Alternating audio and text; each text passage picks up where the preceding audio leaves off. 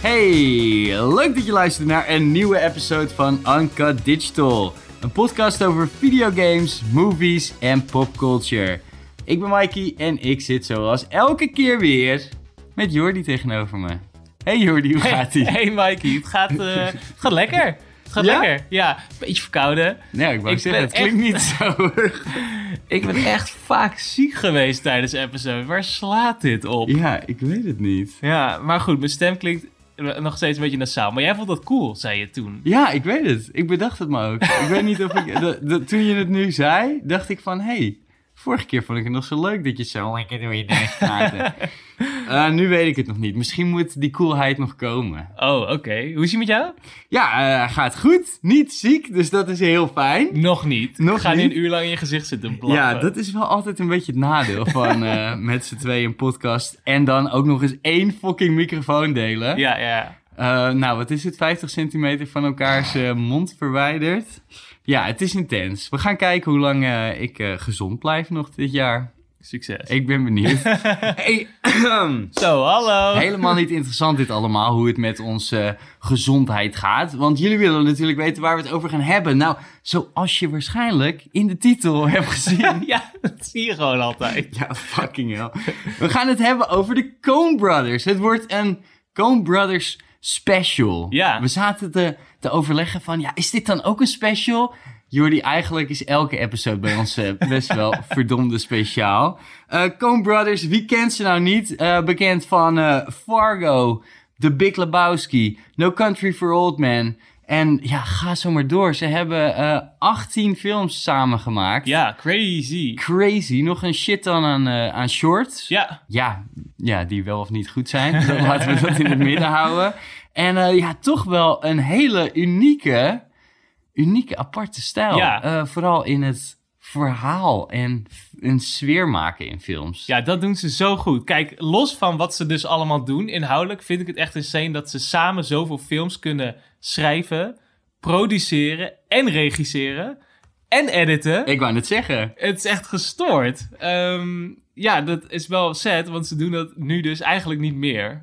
Ja, is dat zo? Ja, een van de twee is even gekapt. Oké, nou laten we, laten we even, even iets duidelijker bespreken. Eh, ja, wat we zeiden, 18 films samengemaakt. Ja, Ehm, sinds vorig jaar hebben ze allebei een solo-project gedaan. ja, voor het eerst, sinds ze samen zijn begonnen. Voor het eerst, 2021, The Tragedy of Macbeth door Joel Cohen. Ja, Ja, zijn jongere broertje kon natuurlijk niet achterblijven. Ethan Cohen eh, heeft eh, dit jaar eh, Jerry Lee Lewis Trouble in Mind documentaire gemaakt. ja, Ook in zijn eentje. ja. Hebben ze ruzie? Wat is er aan de hand? Ik hoop dat jij weer die TMZ gossip straks over me heen laat vloeien. Heb ik. Ik heb, ik heb de facts. Oké, Of oké. het gossip is, dan, ga je, gaan jullie straks achterkomen. Teaser, teaser. Ja, we gaan het eh, vooral hebben over eh, de films die wij echt eh, gewoon heerlijk genieten vinden van ze. Ik moet ook toegeven, ik heb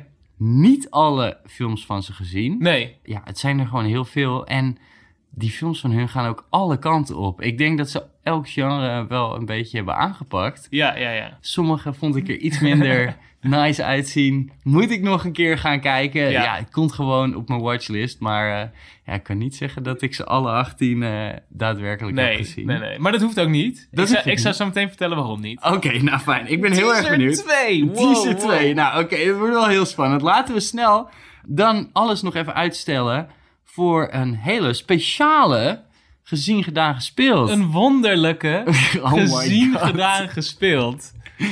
Ja, holy shit. Ja, wij hebben namelijk een eh, kleine expositie gemaakt met z'n tweeën. Ja. Dat zie je niet vaak, dat podcastmakers ook een expositie maken. Nee, wie had dat gedacht ook eh, überhaupt dat wij dat met z'n tweeën Ja, zouden ja, ja. gaan doen? Ik zou het heel kort even uitleggen. Eh, ik werk bij een leuk ontwerpstudio op de NDSM in Amsterdam. En we hebben daar twee hele grote ramen en mooie vitrinekasten daarachter staan. En toen dachten wij, nou, misschien moeten we daar gewoon wat, wat werkjes in zetten. Wat mooie dingen, wat mooie boeken hadden we er gedisplayed. Toen dachten we, ja, moet het dan een winkeltje worden? Of moet het dan een soort van kunstgalerietje worden? Ja. Maar ja, dat is saai. Kunst dat kan je altijd al zien. Dus toen dachten wij, moeten we niet een fascinatiepresentatie hier doen van mensen uit ons netwerk, mensen uit de, van de NDSM. Er zitten heel veel kunstenaars, heel veel fascinerende mensen. Ja. Dus toen dachten we, nou, laten we dat doen. We hadden er een naam voor verzonnen, The Wonder Window, for Friends and Fascinations. nou, en dat liep natuurlijk helemaal uit de hand, want ik mocht een logo maken, ik mocht een website ontwerpen. En eh, we vroegen mensen uit ons netwerk om daar hun fascinatie te presenteren. Ja. En ja, eens in de zoveel tijd mochten we dan zelf ook, een van mijn collega's, dan ook iets presenteren. En toen eh, werd ik gevraagd, Jordi, wil jij niet iets presenteren? Ja, wat ga ik dan doen? Wat ga ik dan doen? Toen zei, eh, toen zei een van mijn collega's, wil je het dan niet gewoon voor videogames doen? Dacht ik, ja, videogames, ja, oké, ja, Videogames. kan op zich wel. Ik weet niet wie dit interessant vindt dat ik over Oblivion ga praten. Oh my god, fucking elke week een podcast, motherfucker. Ja, ja, maar goed, dat is voor die fucking nerds die hier allemaal zitten te luisteren. Maar dit moest voor iedereen zijn. Dit moest dus voor de buurt zijn eigenlijk. Maar goed, toen zei, toen zei mijn baas, die is helemaal gek van eh, bordspellen. Zei, als jij dat doet, dan organiseren we bij de opening, want het heeft altijd een kleine officiële opening, een game night. Een bord, bordspelavond of videogame night, maakt niet uit. Dus dacht ik, oh, dat, dat kan dan wel leuk worden. Ja. Nou, toen was ik dus een beetje aan het nadenken. En toen op een gegeven moment was ik met jou aan het sparren van... Moeten we dan niet gewoon wat mooie retro eh, dingen van jouw verzameling erin doen? En toen was het van, moet ik dit niet gewoon met Mikey gaan doen? Ja. Eigenlijk. En ja, wij wilden eigenlijk een soort van kleine presentatie maken van opmerkelijke verhalen uit de videogame industry en geschiedenis. Die dus ook voor de leek interessant zijn. Ja, zeker. En natuurlijk, nou zoals je hoort, hè, elke, elke, nou ja, twee weken is het ondertussen. eh, ja, hebben we heel veel verhalen eh, eigenlijk al aan de luisteraars verteld. Ja, En ehm, elke keer is weer een ander onderwerp, maar wel elke keer een leuk, gek trivia dingetje wat we, wat we hier kwijt kunnen bij Anka Digital. ja, En toen was het eigenlijk van, ja, waar, die verhalen hebben we eigenlijk allemaal ja, al. ja, ja, ja. Eh, welke verhalen zijn het leukste om te presenteren en kun je ook daadwerkelijk vormgeven en, en beeld geven, Ja, laat maar zeggen. ja.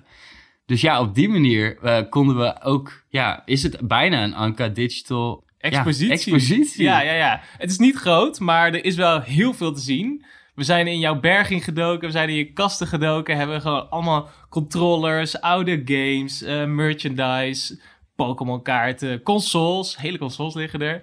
We hebben een hele oude eh, televisie er neergezet en ehm, een mooie 3x4 video gemaakt van oldschool clipjes, openingsschermen van eh, retro consoles. Ja, een beetje reclame voor de podcast natuurlijk, mocht ook wel. En dus die verhaaltjes hebben we leuk door het raam eh, gepresenteerd eigenlijk. ja, Ja, en eh, dit is allemaal live te zien. ja. En eh, we hebben ook nog een leuke video opgenomen waar we iets dieper erop ingaan en iets dieper op de onderwerpen ingaan die we in het raam bespreken. En dat kan je ook nog eens online bekijken. Oh ja? Nou, dat wordt hartstikke leuk, hè? Want ja, even over de avond zelf. Want het was wel echt fucking leuk om te doen, toch? Ja, ja, ja. Eh, los van dat we natuurlijk een paar weken lang een beetje, nou ja, niet echt aan het stressen waren. Maar het kostte heel veel tijd om Ja. dit alles eh, natuurlijk neer te zetten. We waren een, echt wel een hele middag daar zo eh, voor die kast alles ja, netjes aan het schuiven. En Ja, nee, ja. Moet, dit, moet dit spelletje niet een beetje zo staan? Nee, toch een beetje zo.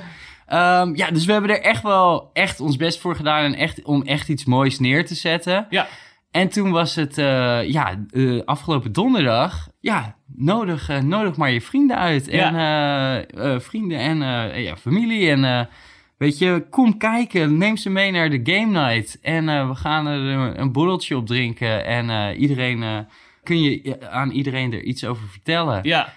En gaan we daarna lekker spelletjes spelen. Nou, het was wel echt tering leuk hoe hyped iedereen was om te kijken. En ja, het is wat, wat, wat je al zegt, het is een, niet een hele grote kast. Maar we Mhm. hebben er echt zoveel ja, kleine dingetjes in verwerkt. Ja, ja, ja. Dus dat er in elk hoekje wel iets te zien is. En je merkt ook echt dat iedereen op die manier ernaar aan het kijken was. Ja, ja. Er is echt heel veel te ontdekken. Ja, Ja, en op de avond zelf was superleuk. Mijn collega's die eh, hadden ook allemaal mensen uitgenodigd die into bordspellen waren. Een paar collega's en ik hadden allemaal bordspellen meegenomen. Dus er lag een tafel vol met spellen. En eh, nou ja, er was een kleine openingsmomentje, er was een speech. En wij hadden een kleine rondleiding door het raam gegeven. En toen was het, nou, pak maar een spel, ga maar spelen met z'n allen. En jij had een mini-SNES, een mini-NES meegenomen, wat super nice was. ja. Ja, was super gezellig. Ja, Hartstikke zeker leuk, weten. hartstikke zeker leuk. weten.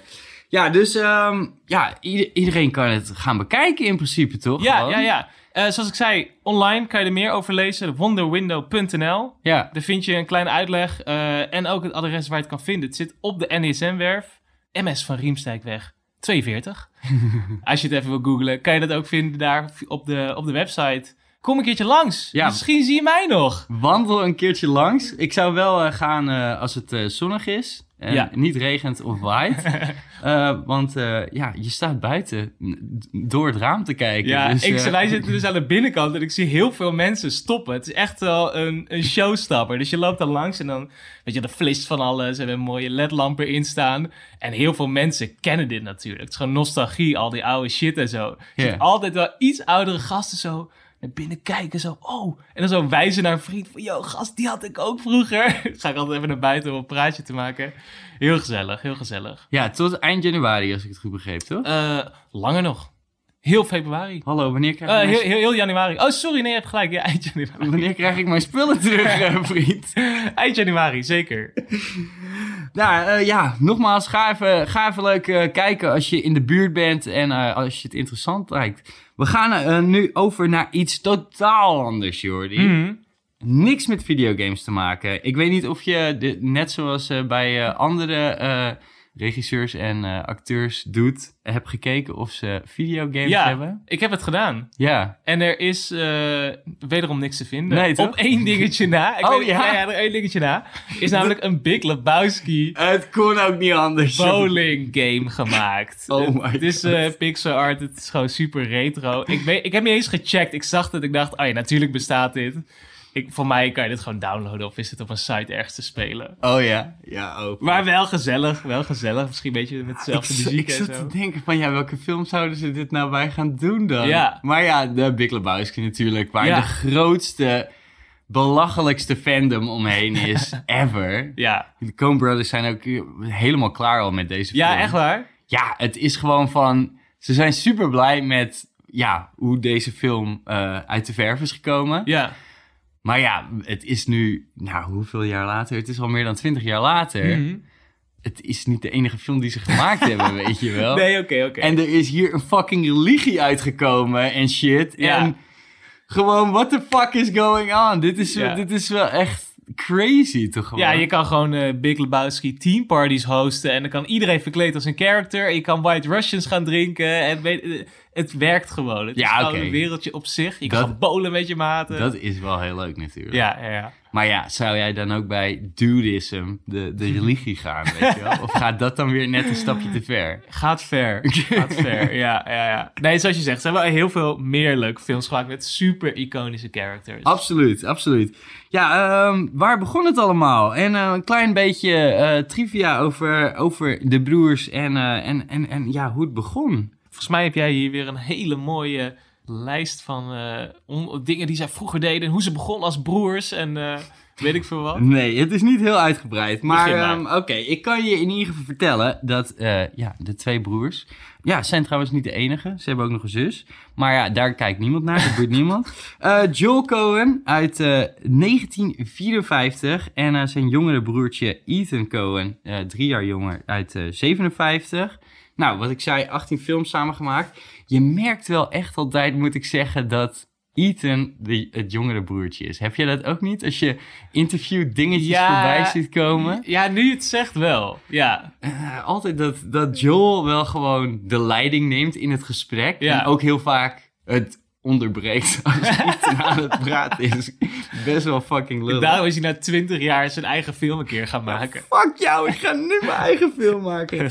Ja, nee, ehm, even kijken, want het meeste gaat ook over eh, Joel, eh, moet ik zeggen. Los van dat ze hun privacy of persoonlijk leven best wel offscreen houden en, Ja. en eh, buiten de schermen, zijn er toch wat leuke, leuke feitjes om over ze te vertellen. Joel Cohen is eh, namelijk eh, sinds 84 getrouwd met Frances McDormand. eh, die ook wel bekend is van Three Billboards Outside Ebbing, Missouri. Burn After Reading. En natuurlijk Fargo. de hoofdrolspeelster in Fargo, Ja, inderdaad. Wist ik niet eigenlijk. Nee. Maar jij wel. Ja. Eh, sowieso heeft zij echt in de meeste Coen Brothers films gespeeld. Van Ja. alle usual suspects die ze hebben. Want Ja. ze werken natuurlijk met heel veel acteurs. En eigenlijk ook de crew. Ja, werken ze heel veel Ja. samen bij alle films. Hoe zou, hoe zou dat dan gaan? Dat hij dan een film aan het schrijven is en dat zij zo de schrijfkamer inkomt van... Schat, kon je naar bed? Nou, ik heb misschien een leuke rol voor jou hier liggen. Je, ik ga er nog even aan werken. Weet je wel, hoe gaat dat dan? Ja, ik weet het niet. Maar ja, het is wel echt al vanaf de eerste film dat zij eh, ja, daar een rol in kreeg. Ja, en toen kreeg ze ook wat, right? Of is dat later pas? Eh, ja, Blood Simple is Ja. eh, uit 84 en ja, toen zijn ze ook getrouwd. Ja. Dus ik weet niet waar dat begon of dat zij met, met hem ging trouwen van... Yo, kun je me dan eh, een rolletje geven in die film? Ja, denk je dat en nu blijven plakken voor Ja, eh, ja. weet ik veel hoeveel jaar. Ja, dus dat is wel, eh, wel... Ja, hoe zou dat gaan? Ik zou het echt niet weten. Maar bij heel veel films is het wel dat het is van... Ja, we schrijven deze rol speciaal voor Steve Buscemi of Ja, zo, weet je wel. Met hem in mind. Dus ik kan me voorstellen... Ze speelt in heel veel dingen ook niet de hoofdrol, maar gewoon een klein rolletje. Ja. Dus ik kan me voorstellen dat dat dan... Oh ja, het is wel leuk als hij er eventjes in zit. Nou ja, Ethan kon niet achterblijven natuurlijk. Die eh, moest ook met een bekende eh, trouwen. Oh nee, dat klinkt heel zielig. Nee, geintje, geintje, geintje. Eh, nee, Ethan heeft ook met een bekende. die is sinds 1990 getrouwd met Tricia Cook. En dat is de filmeditor eh bij heel veel van de Coen Brothers Ja. films. Of nou ja, assistant editor. Want eh, een ander ding is natuurlijk dat, wat jij net al zei... de Coen Brothers hun eigen films ook monteren, editen. Mhm. Eh, eigenlijk bijna alle films, op vijf na, hebben ze zelf gemonteerd. En dat doen ze onder de alias Roderick Janus. Janus, zeg ik dat goed? Klinkt een beetje als Enes. James? het zal- James? James? Het zal niet helemaal goed zijn. Roderick Janus. Juist. Zo zeiden ze het ook bij de Oscars, volgens mij. Ja, maar voor, is het, ja, want dat is dus zo heel sicker aan. Ze doen dat omdat ze anders zitten van ja, anders staat onze naam letterlijk de eerste eh 30 seconden van de credits altijd in beeld. Ja. Dus hebben ze maar een andere naam verzonnen. En die persoon is dus meerdere keren genomineerd voor Oscars. Ja, en ze zaten nog... En volgens mij was het bij Fargo de eerste keer dat eh, die genomineerd was voor de, voor de editing. Ja. En toen zaten ze een beetje van, ja, hoe gaan we dat nou doen als we straks die fucking. Oscar moeten winnen? Eh, hadden ze nog met het idee gespeeld om eh, een acteur een rol te laten spelen Oh, als ja. dat hij dat is. Ja, inmiddels is natuurlijk al heel lang bekend dat, ja, dat, Ja, zij dat zijn. Ja. Maar ja, het kan nog steeds gebeuren. Ik ben benieuwd wat ze gaan doen als, als, als die dag ooit komt. Ja, wat jij al zei van eh, de, de namen van hun zouden dan heel veel bij de credits komen. Mhm. Wat wel grappig is, want ehm, ja, ze regisseren eigenlijk alles samen. Mhm. We, we, we praten niet over die twee eh, laatste twee projectjes. Maar vanaf eh, 2004 bij de Ladykillers is eigenlijk de eerste keer pas dat allebei hun namen eh gecredit staan als regisseur. Oké. En daarvoor was het altijd Joe eh, zijn naam bij de regie en Ethan, Ethan. als producer. Oh ja, maar expres, terwijl ze het wel samen hadden gedaan. Ehm, nou ja, iedereen wist dat ze het samen regisseren. Maar Ja. we hebben het natuurlijk al in de eh, Quentin Tarantino-episode erover gehad. Dat eh, van de National, hoe heet het, hoe heette het nou? De Eh, bla, bla, Academy, eh, Actors Guild, bla Oh bla ja, bla gedoe. Ja. ja, dat er eigenlijk maar één eh, regisseur onder de credits mag ja, staan. ja, ja, ja, ja. En eh, ja, ik weet niet of het is dat ze in 2004 dachten van... ja, fuck off, we hebben nu genoeg gedaan. We kunnen Ja. nu gewoon eh, doen wat we willen. Of dat het is van dat die Actors Guild nu eindelijk eens een keer fucking normaal doet. ik, ik weet het niet. Eén van de twee. Naast dat ze heel veel eh, hebben geregisseerd en geschreven... hebben ze ook een aantal films geschreven voor anderen. Mhm. En dat zijn Unbroken, die door Angelina Jolie is geregisseerd. En Steven Spielberg's Bridge of Spies. Angelina Jolie Ja, regisseert zij? ze heeft een paar films geregisseerd, ja. Crazy. Dan, krijg je, ja, dan krijg je dus materiaal van de Coen Brothers en dan moet je dat maar gaan regisseren. Ja, nou ja, of zij vroeg erom van... Yo, kunnen jullie even een schrift voor me... Of een Eh. schrift, een script voor me schrijven? een schrift vol schrijven? ja, ja, precies. Oké, sick. Ja, eh, en ehm, ja, hoe het allemaal een beetje begon. ehm, na school, of school, university, is eh, Joel begonnen als een eh, production assistant voor eh, videoclips. en industrial films. Tijdens dat proces kwam hij een beetje in aanraking met Sam Raimi, van, ook wel bekend van de Spider-Man films. Mhm. En natuurlijk de Evil Dead films. Ja. En tijdens die eerste Evil Dead in 1984, eh, eh, 1981 heeft Joel daaraan meegewerkt eh, als eh, assistant editor. Omdat, die, omdat al heel snel duidelijk was dat ze heel goed waren in editen. Eh, en wat wel grappig is, dat ze later nog een paar keer hebben samengewerkt met Sammy Raimi. Of eh, Sa- Sam Raimi is het natuurlijk. Bij de Hudsucker Proxy hebben ze namelijk samen het script geschreven voor, voor die film. Mocht er nog een derde naampje bij. Mocht er nog een derde naampje bij? Nee, was het co-writer eh, eh, Sam Raimi. Oké, oké. Ja, en eh, zo hebben ze nog een paar cam- cameo's bij elkaar in elkaars projecten Ja, gedaan. ja, ja.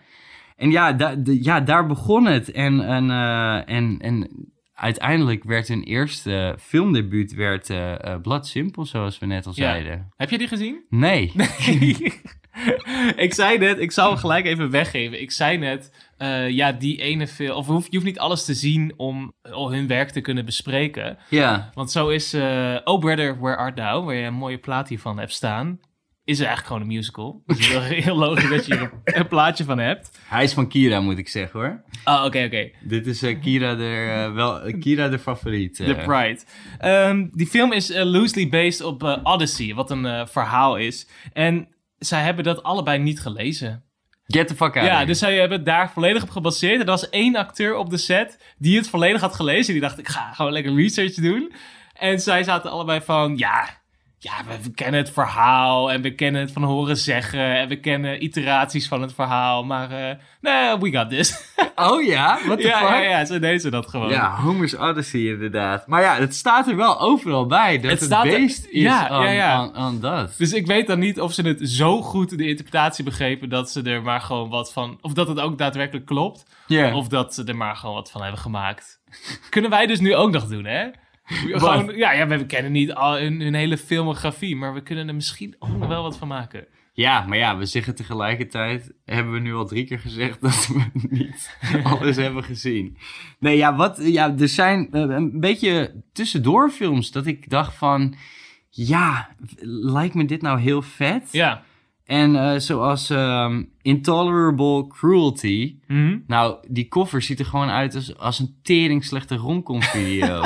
ik weet niet of je die cover hebt Nee, gezien. nee. Het is eh, George Clooney in de hoofdrol met ehm Catherine Zeta-Jones, Mhm. die natuurlijk ook in eh, The Mask of Zorro speelde, die toen de tijd echt helemaal de shit was, Ja. Waar je nooit meer iets van hoort.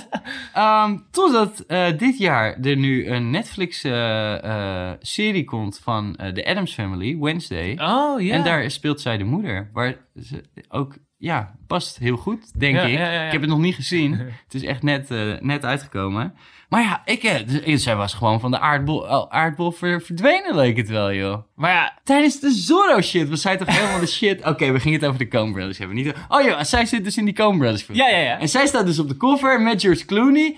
En het is echt gewoon de meest bland begin 2000 cover die Ik je zie maar er gewoon kan zo'n bedenken. soort van Mrs. en Mrs. Smith vormen, een witte achtergrond en dan twee characters, één die een beetje tegen een muurtje leunt. Nou, het is bijna titel. zo. Kijk nou, dit is toch gewoon... Dit Oh is, ja. Dit, wat, dit is toch... Dit ziet er toch niet uit als een film van de Coen Brothers? nee. Maar nee. ik- Engage the enemy. Ja, ik, spannende boventitel, dat doen ze eigenlijk ook nooit.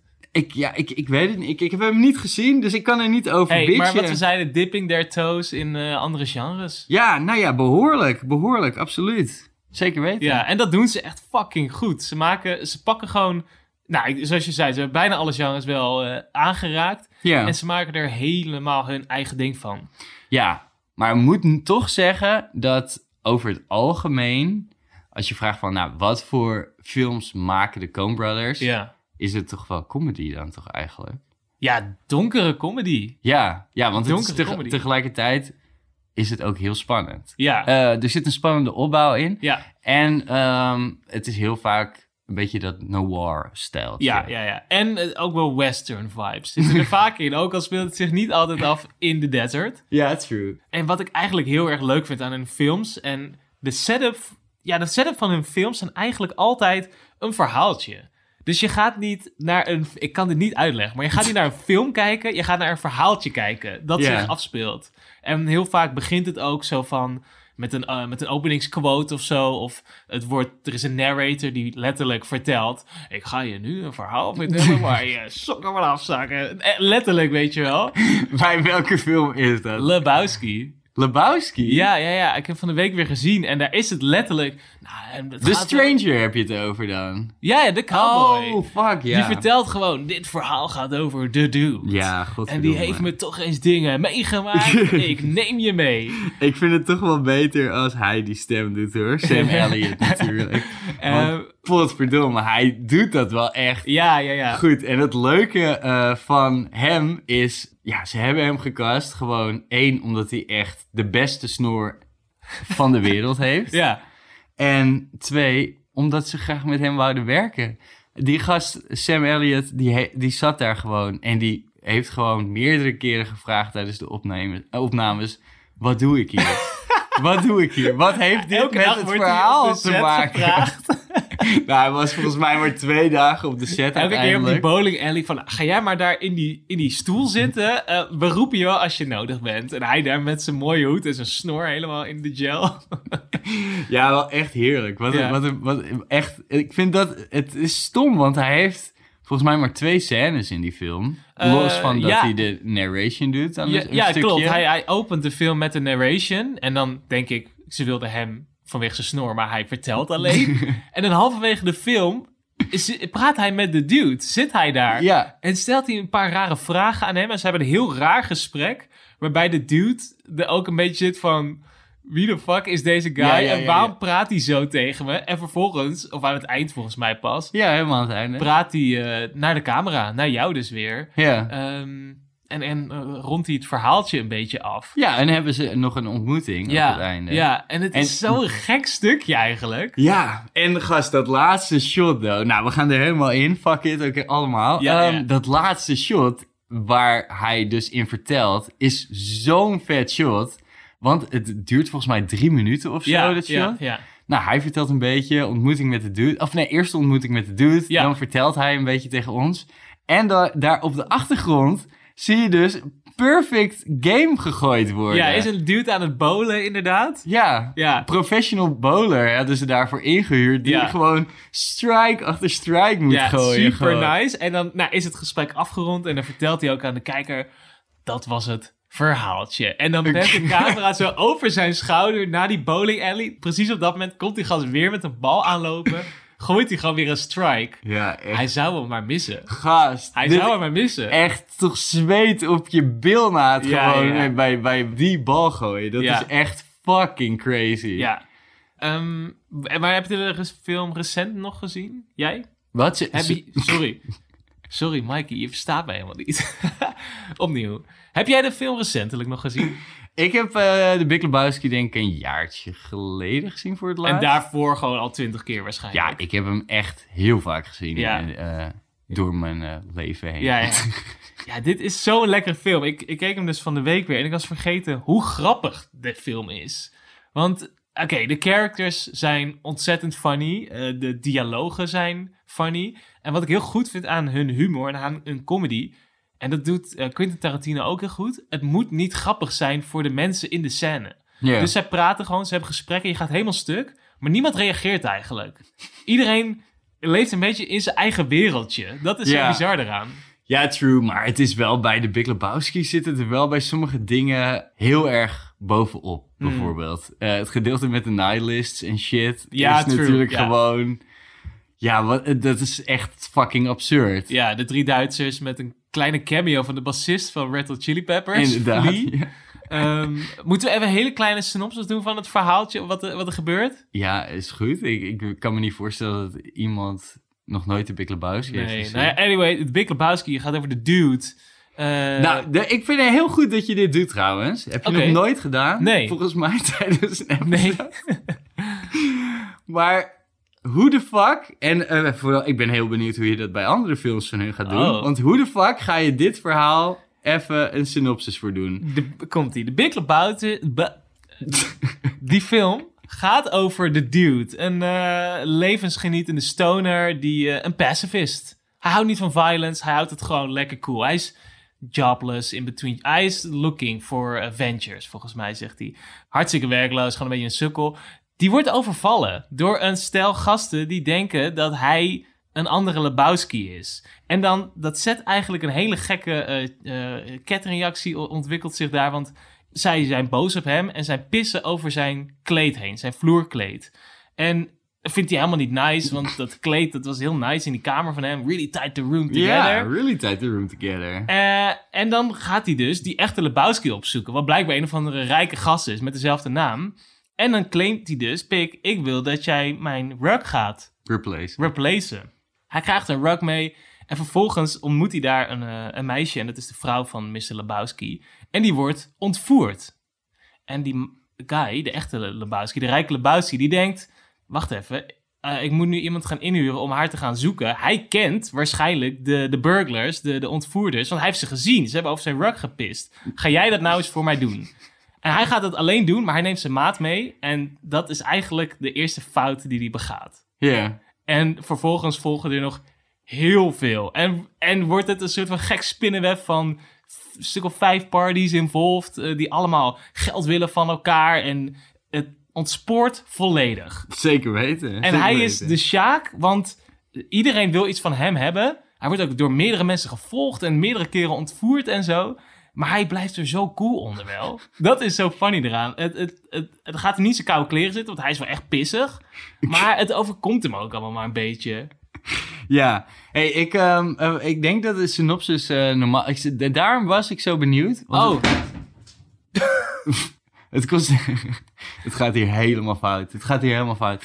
Um, ja, het, het kost gewoon zoveel fucking zinnen om dit verhaal uit te leggen. Je hebt nu de helft overgeslagen voor mijn gevoel. Ja, ja, en ik, eh, ik, ben hier ook, ik ben hier ook slecht in, want ik denk dan... Ik ga gewoon scène voor scène vertellen. Want ik denk, oh ja, en dat ook nog. Oh ja, dat ook nog. Er gebeurt gewoon heel veel. En dat is het ding. Er is een, uh, een theory dat je eigenlijk in... Ja, is het volgens mij twee zinnen... Een goede film zou je in twee zinnen moeten kunnen vertellen. Oké. Nou ja, niet het, of dit nou een goede film is. Daar, daar, daar hebben we het niet over. Want ik neem aan dat we deze allebei een goede film vinden. Ja. Of ik hem overrated vind, is er misschien een ander dingetje. Mhm. Want wat we net zeggen over die dudism en die fucking shit, dat is gewoon... Dat gaat veel te ver, Ja, jongen. ja. Gewoon, en de duizend en één mensen die een tatoeage van de Big Lebowski... Ja, tuurlijk, als je dat een vette film vindt, moet je dat misschien ook doen. Laat maar wat ik zei. In ieder geval, um, fucking Coen Brother films kan je niet met twee zinnen uitleggen. Nee.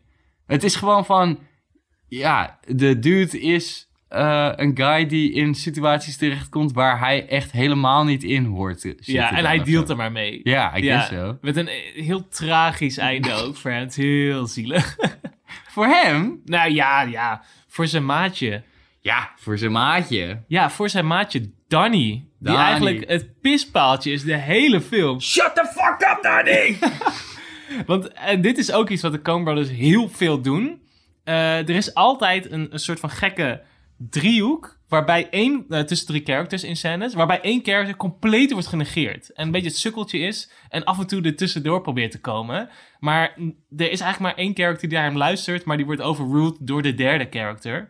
En in dit geval dus... eh, John ja, Goodman. John Goodman, de, de Vietnam War veteran met anger issues. Die op een gegeven moment tijdens een potje bonen gewoon zijn piep uittrekt. eh, en, eh, en een tegen, tegenstander met een pistool bedreigt. Omdat zijn voet iets over de lijn ging. Ja, of ging die niet over de lijn? Of ging die niet over de lijn? Dat weten we eigenlijk niet. Er is een hele discussie over. De acteur die Bolt in dat geval, die eh, heeft ook gezegd dat hij het nooit zal vertellen en het antwoord, ne- Of hij echt over de lijn ging met zijn voet. en dat hij het antwoord mee zal nemen naar zijn graf. Oké, oké.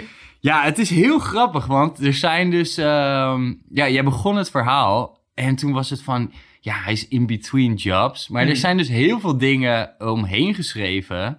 die ze uit de film hebben gelaten... omdat het ook een beetje de magie van de, van de film is. Want je, ja, je weet niet wat de fuck is going on met eh, de dude. Nee. Ehm, ja, de opening credits...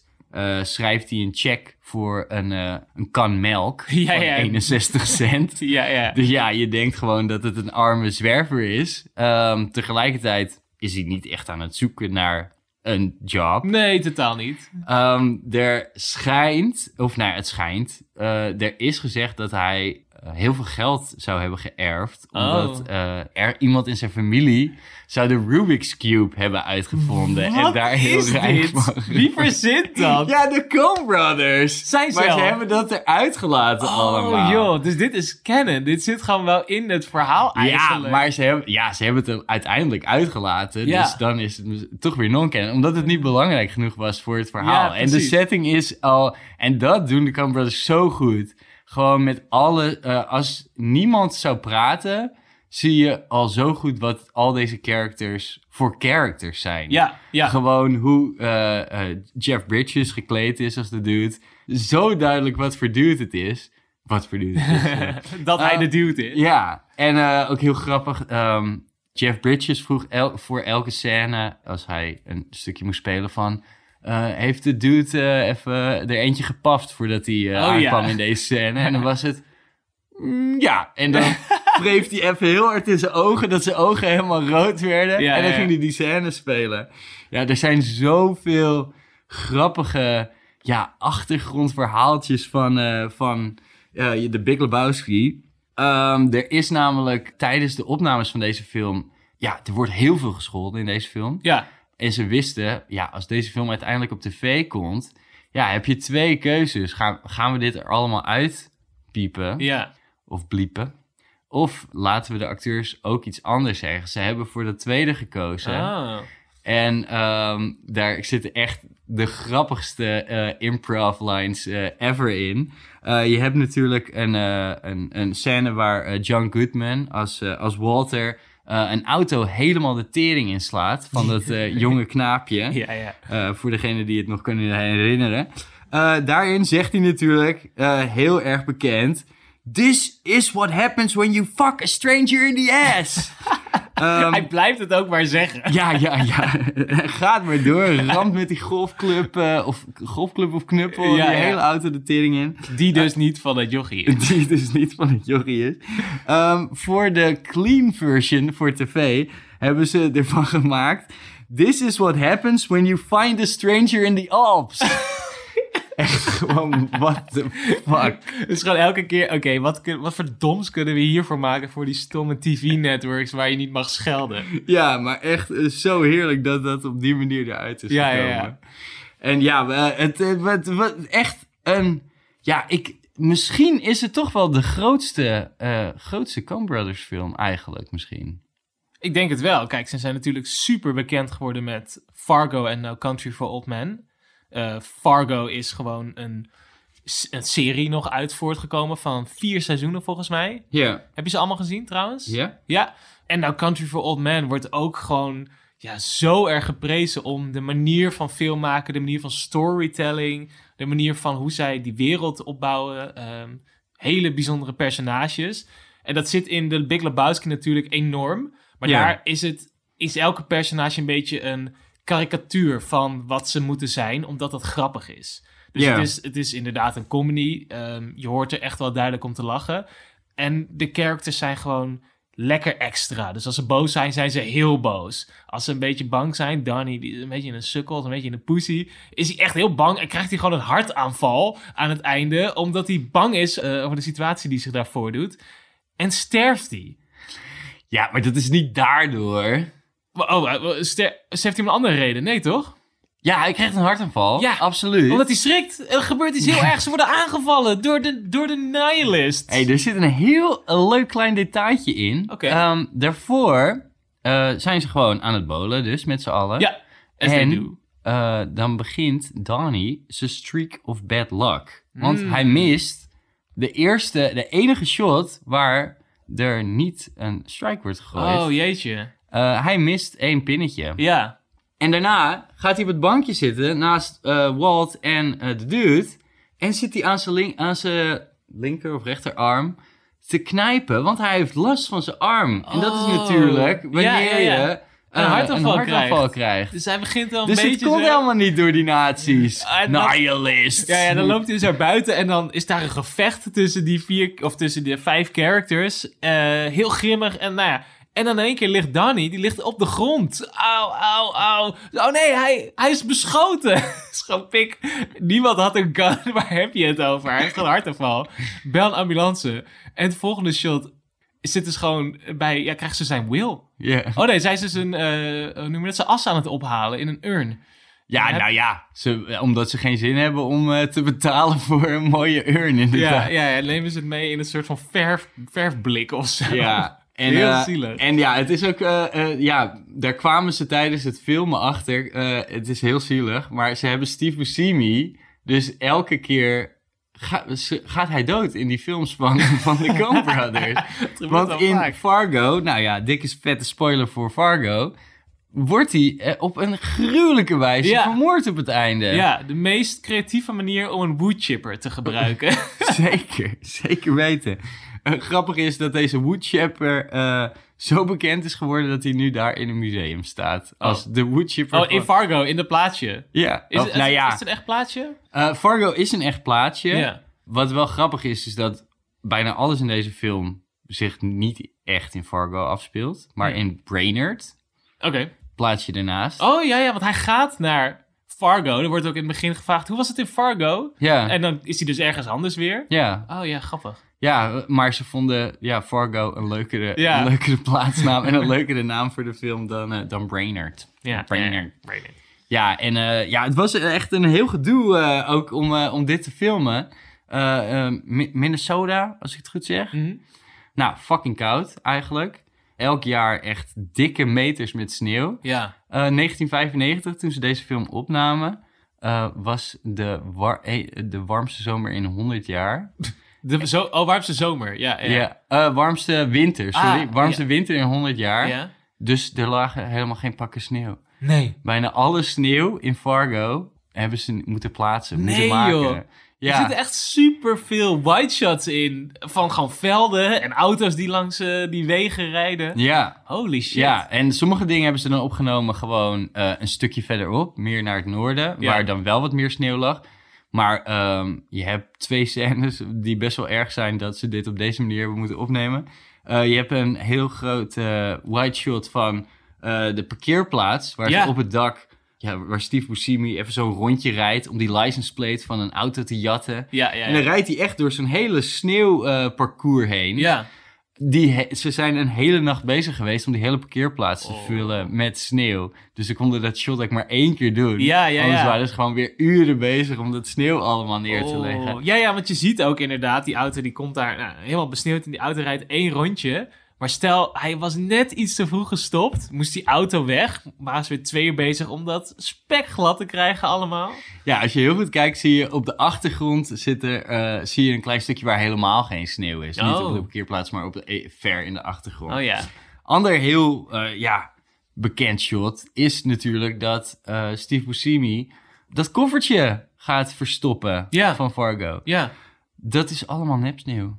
Oh, En hij... graven inderdaad. Graven, Ja, ja, ja. graven en hij moet echt er doorheen ja, walsen, wakken, hoe de fuck je het ook wil noemen. Ja, ja, ja. Ja, het ziet er super vet uit. Ja. En ik bedoel, het sneeuw is gewoon part of the setting van ja, de film. ja. Het Ik- ziet er ook fucking koud uit de hele tijd. En eh, die outfits zijn natuurlijk super iconisch. Die stomme hoeden met die, eh, met die oorflappies. Ja, Ja. Ga- speaking of het koffertje, even een piece of trivia tussendoor. Dit koffertje, exact dat koffertje, is ook in No Country for Old Men gebruikt.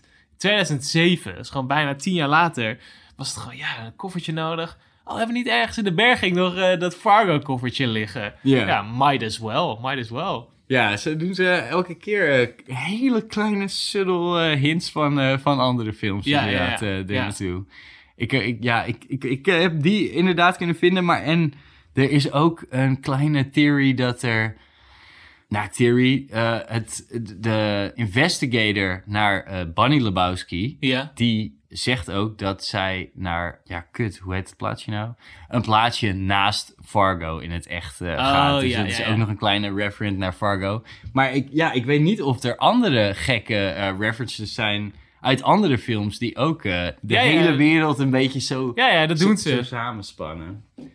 Ja, want eh, wat vind jij dan van No Country for Old Men? Want ja, het wordt wel als een van de grootste beschouwt, wat je net zegt. Ja, Ik denk dat de Big Lebowski wel echt eh, onder de meeste mensen... En ik denk dat dat ook komt omdat je gewoon een hele stoner audience meeneemt. dat dat heel erg helpt. Maar ja, de No Country for Old Men is natuurlijk de, degene die de, de Oscar naar binnen heeft gesleept om, eh, voor de beste film Ja, ja, jaar, ja. 2007. Ja, hij staat hier ook. Je hebt de DVD hiervan. En het Oscar-poppetje is gewoon. Of die hele Oscar-banner. Winnaar, vier Oscars, beste film. Is gewoon een vijfde van de hele cover. Dus we moesten daar even mee advertisen. Dit is, ja, dit is gewoon de Oscar-film. Als je het hebt over b- beste film, dan kan ik me meteen voorstellen dat deze hem, eh, dat deze hem wint. No Country for Old Men is zo een specifiek soort film. En zo specifiek ook Coen Brothers. Op de manier dus wat ik zei waarop het is geschoten. Die worldbuilding. En die characters zijn zo iconisch. Maar ook, ze zijn heel erg doorgrond. En het is eigenlijk de hele film volg je eh, een reeks van karakters. Die ook zich in een soort... Ja, er is één verhaaltje weer. En meerdere characters raken involved in een, in een probleem Ja. ik ga niet de hele synopsis doen, maar het begint met dat er, er is een deal die is eh, compleet fout gegaan. Eh, en, maar ja, je weet niet hoe. Er is een deal die loopt daar door de prairie en die ziet daar wat auto's staan en wat lichamen. En die denkt gewoon, wat de fuck, die gaat even kijken en die vindt een koffer met geld. Maar ja, dat geld is natuurlijk van iemand. Dus hij zet daarmee, ja, eh, die hele film basically in motion. Want meerdere partijen zijn op zoek naar dat geld. En er is een eh, agent en die gaat die hele eh, de crime scene daar investigaten. En die ziet, oh, dus was hier volgens mij wel geld involved. Waar is dat geld dan? En er is nog een andere character, de main villain. En dit is wel een van de sixte villains ooit geschreven, denk ik, in films. Ja. Arthur Sh- Sugar. Toch was het? Arthur Chigurh, nee, Anton. Anton. Anton. Anton. Anton Chirurg is gewoon de ultieme psychopath. En die is ook op zoek naar dat koffertje, naar dat geld. Hij is niet involved bij die, eh, bij die shootout, denken we. Eh, maar hij komt later aan. Ja, En hij wordt hiervoor ingehuurd. hij wordt ingehuurd. Door wie, weten we niet. Nee. Wat zijn achtergrond is, weten we ook niet. Hij is er gewoon ineens. En we weten gewoon, hij is Menes. En hij is gewoon een insane psychopath. en hij, hij, gaat, hij, hij, hij mengt zich in dit, in dit verhaal. En deze character is zo puur evil. De manier waarop hij praat aan mensen is al een beetje neerbuigend. En ik was net nog even die scène aan het kijken. Die bekende coin, eh cointas eh, scène. Waarbij hij gewoon een random dude in een tankstation aanspreekt. En zegt, oh, nou, dan heeft hij een beetje een ongemakkelijk gesprek. Waarbij hij hem semi bedreigt for no reason. En dan eh, zegt hij heads or tails. En zegt die man, heads or tails, hoezo? Hoezo? Hoezo? Waar, eh, ik heb nog niet gezegd waar ik op goed. Zeg gewoon heads or tails, pik. Ik zeg nu heads or tails. Ik heb die coin al geflipt. Waar, maakt niet uit waar je het voor doet. Die coin, die heeft 50 jaar, of nee, 20 jaar of zo getraveld om hier te komen. En jouw eh, destiny hier nu te bepalen. Zeg het gewoon. Ik vind het wel echt heel mooi hoe jij in, het Nederlands even tering hard deze scène kan verkrachten. ja, pik, zeg gewoon. Zeg het nou gewoon even. Zo deed eh, H4 eh, eh, het wel een stukje beter hoor. En vervolgens nou, zegt hij dus, zegt hij, nou ja, heel goed, je houdt die kooi, maar en wij zullen nooit weten wat er zou gebeuren als hij het fout had. Maar we kunnen het wel raden. Wij right? zouden het nooit weten, yeah right. Hij zou het nooit weten, denk ik. Want Oh, ja. die man die weet niet dat hij gewoon een insane killer is. En een eh, gestoord wapen heeft. Zo'n ja, handgemaakte shotgun waar ze koeien mee slachten. Die, door zo'n pin door hun hoofd te knallen. Daar loopt hij gewoon de hele film mee rond te zwaaien als een of andere psychopath. Ehm, maar die, ja, die film die gaat eigenlijk in, in general over determinism.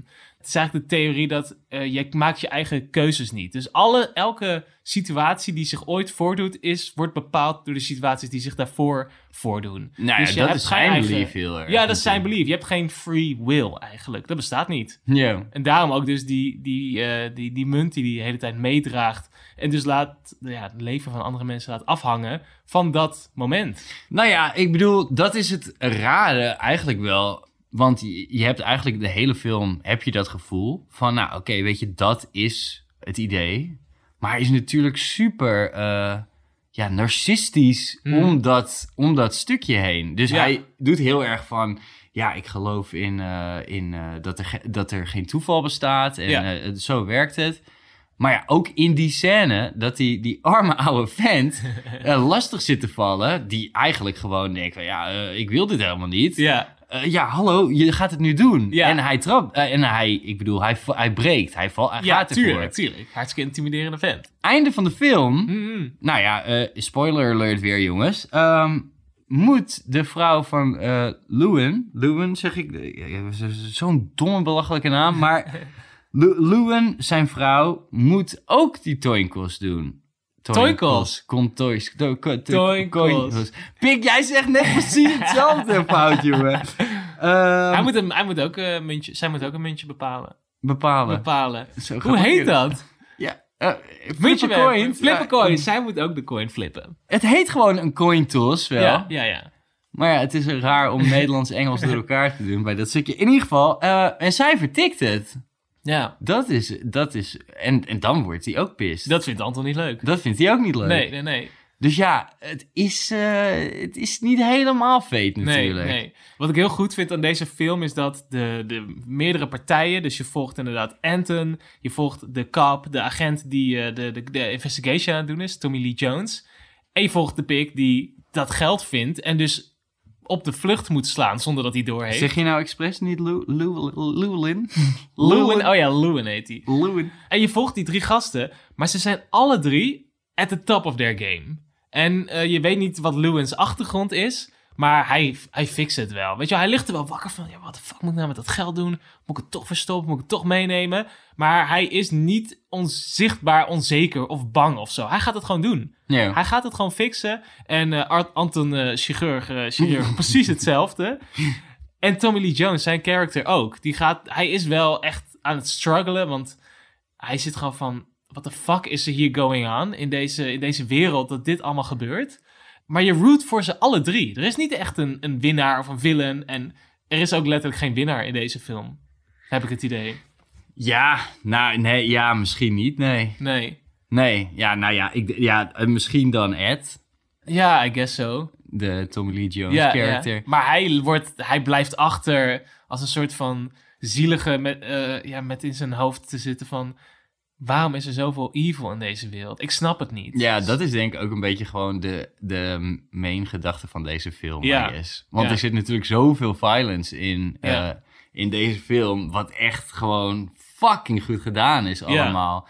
Eh, er zit bijna geen, of nou ja, er zit een score onder, maar je hoort het bijna niet. Nee, nee, nee. Er is zoveel, men, eh, zoveel momenten waar ze echt zo goed die stiltes pakken, waardoor shit zoveel spannender is. En dat je echt op het puntje van je stoel zit van, wat gaat er nu gebeuren? Ja, ja. Eh, de characters ja, zitten, ze komen niet in aanraking met elkaar, Nee. soort van. Eh, de drie hoofdpersonages. Maar er is wel een hele spannende achtervolgscène. Mhm. En er zit geen geluid, of er zit geen muziek onder. Nee. En dat maakt het zoveel spannender. Die, Ja. die schoten die door de straat gaan en zo. Ja, eh, in het donker. Ja, je, je, je zit gewoon als kijker de hele tijd van... Oh shit, is er nou iemand geraakt? Wat hoor je nu? ja, Wat hoor je? De motels, eh, de motelscène Ja, over, precies, right? ja. ja. Super spannend. Ja, en ja, ik, eh, gast, iedereen in deze film is zo goed gecast. Mm. Het is gewoon, dit is Tommy Lee Jones zijn beste rol, denk ik. Eh, Er is geen, be- hij kan het gewoon zo goed dit acteren. Ja. Het is echt fucking sick gedaan. Just Brolin, ja, die, ja die, die is gewoon opgegroeid met dit soort shit. Eh, hij ge- geeft in interviews aan ook van, ja, er zijn gewoon meerdere guys in mijn eh, leefomgeving waar ik mee opgegroeid ben, die gewoon deze guy waren, Oh, ja. weet je wel. Ja, dus ja, het was voor mij een soort, soort van bijna afkijken. En ja, Javier eh, Bardem, ja, tering goed. Gewoon wat jij zegt, er is bijna, er is geen gruwelijkere villain dan hem eigenlijk. Hij werd gevraagd voor deze film, want zij wilde hem heel graag hebben. En hij zei, maar ik kan één, niet oud, ik kan niet rijden. Ik weet niet of dat nodig is voor de film, maar ik kan niet rijden. En ik spreek geen Engels. Bijna niet. Ik spreek heel slecht Engels. Heel slecht Engels. Spaans is het. Spa Spaanse gast. En eh, ze zeiden, dat maakt niet uit.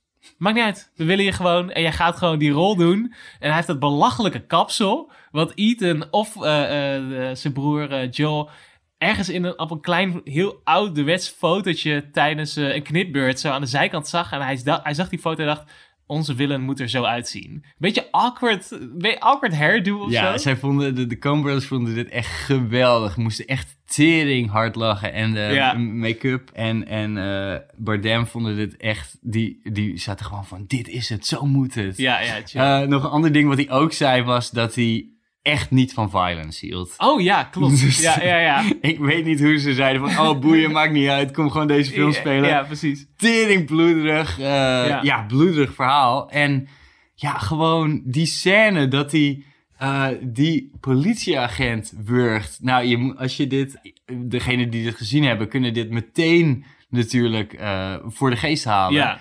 Maar wat vet is om te zien is eh, de making-of van hoe dit gedaan is. Want het is allemaal met practical effects gedaan. Oh, sick. Dus dat is eh, wel echt heel vet om te zien. Ja.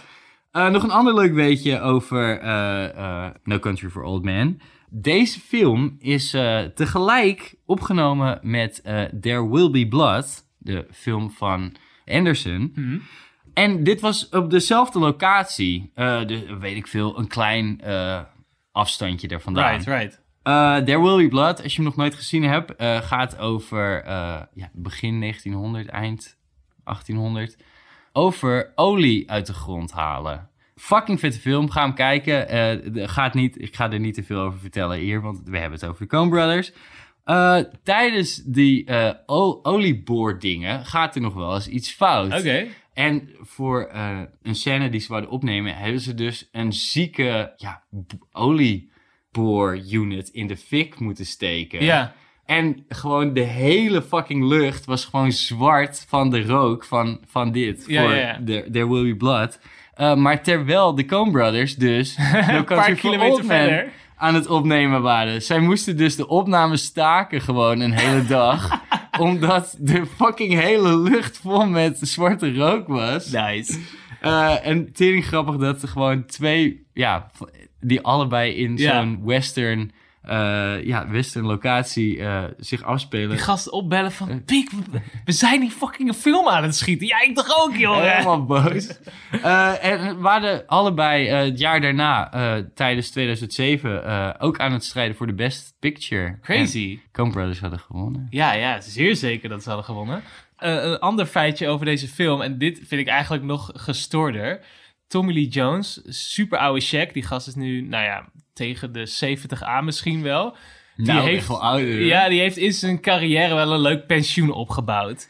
Hij had door deze film alleen al een heel mooi pensioen kunnen opbouwen. Want er is jaren na deze, nadat deze film is, eh, is uitgebracht, is er een foutje ontdekt eh, door een van zijn lawyers. eh, in, het, in het contract dat is opgesteld tussen hem en Paramount. Waardoor hij nog 15 miljoen dollar ontving van Paramount. What the fuck? Hoe dan? Ja, ik weet niet. Er stond iets in over het contract, over hoe, hoe zijn werktijd. I don't know. 15 miljoen. weet je hoe fucking veel geld dat ja, is? I know. Maar ja, is dat niet gewoon een beetje de bijna standaard salade shit wat Er zij bovenop, krijgen? Dus denk je dat hij weer zijn best had gedaan als hij al wist dat hij dit zou krijgen? Ja, maakt niet uit. Hij heeft het verdiend. Hij heeft het helemaal verdiend. Crazy. Daar heeft- is weer iemand ontslagen bij Paramount, denk ik. Wat verdomme. Foutje van 15 miljoen. Ja, het is wel grappig, want ja, Tommy Lee Jones past zo goed in deze film. Just Brolin ook zo goed in deze film.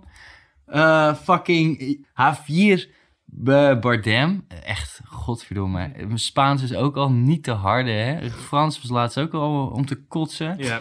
Maar zelfs, ja, Woody Harrelson in deze film. Ja. En allemaal acteurs die ja, we eigenlijk niet in Coen Brothers films eh, tegenkomen normaal gesproken.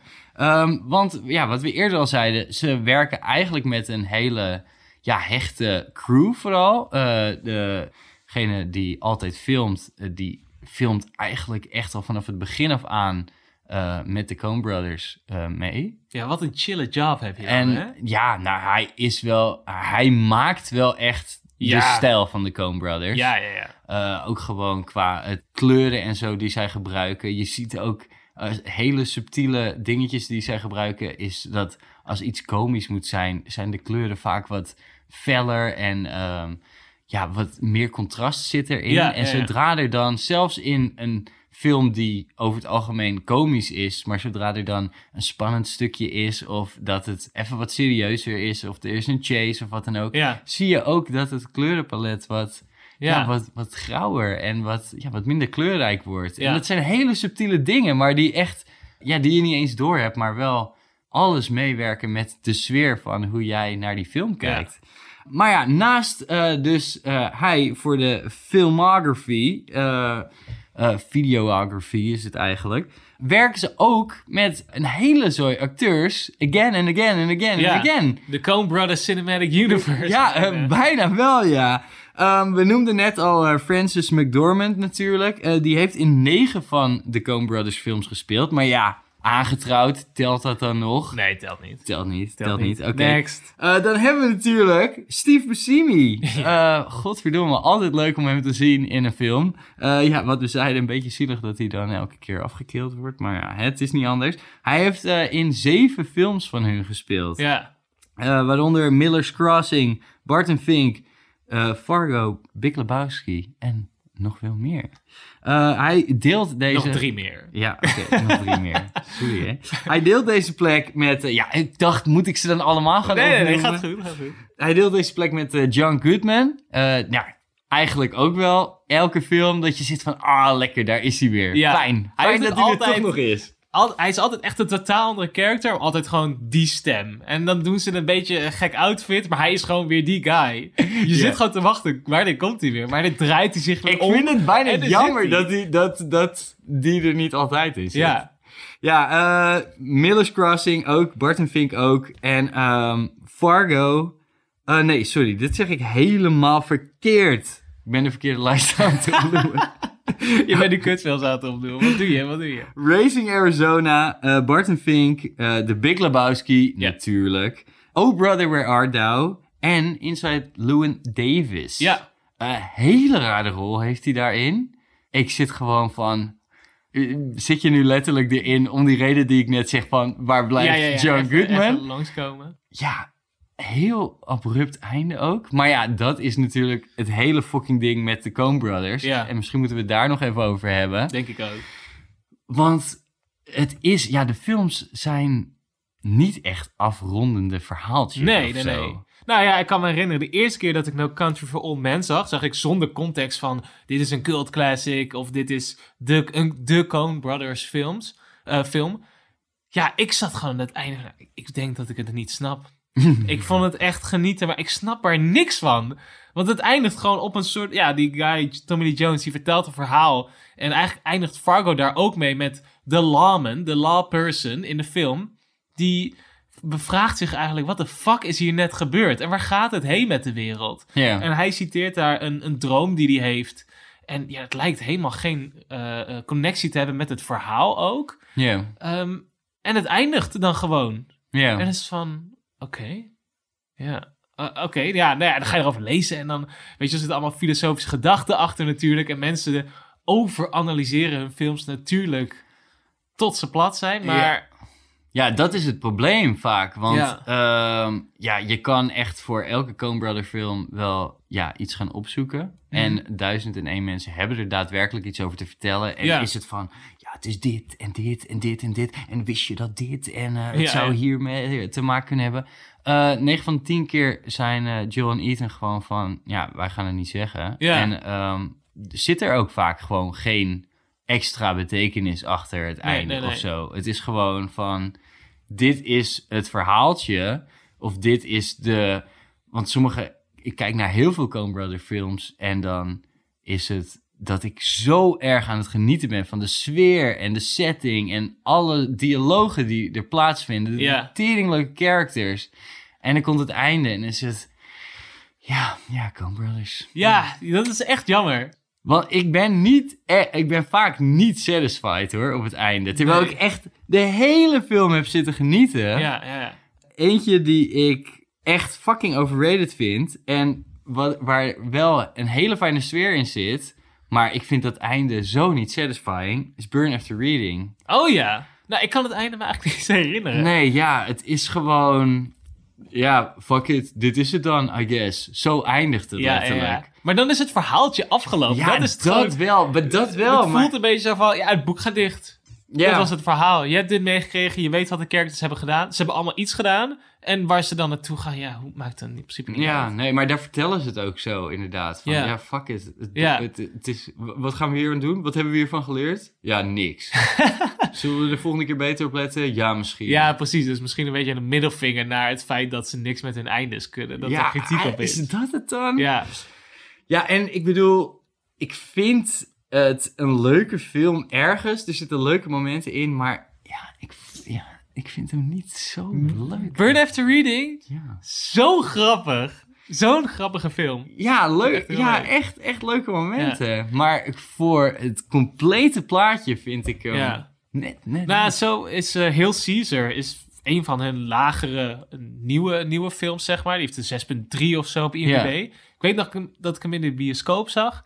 Ik vond hem echt nice. Maar ik moet ook zeggen, ik heb wel een, een zwak voor, dat is een hele gekke niche, films die over filmmaken gaan. Oké. Of die over de filmindustrie gaan. Eh, Barton Fink is er ook eentje van hun. Die gaat over een writer die dan in de filmindustrie wil doorbreken. Maar dat, en dat vind ik heel nice, dat het echt gaat over het filmmaken zelf. En de, wat er gebeurt achter de schermen. En hoe de karakters onscreen zijn, in de film zeg maar. Maar ook hoe ze dan onscreen, onscreen zijn. En er zit zo'n grappige, ja, ik weet het niet. Het, eh, dat kijk je achter de schermen, maar door hun ogen vind ik heel komisch. ja.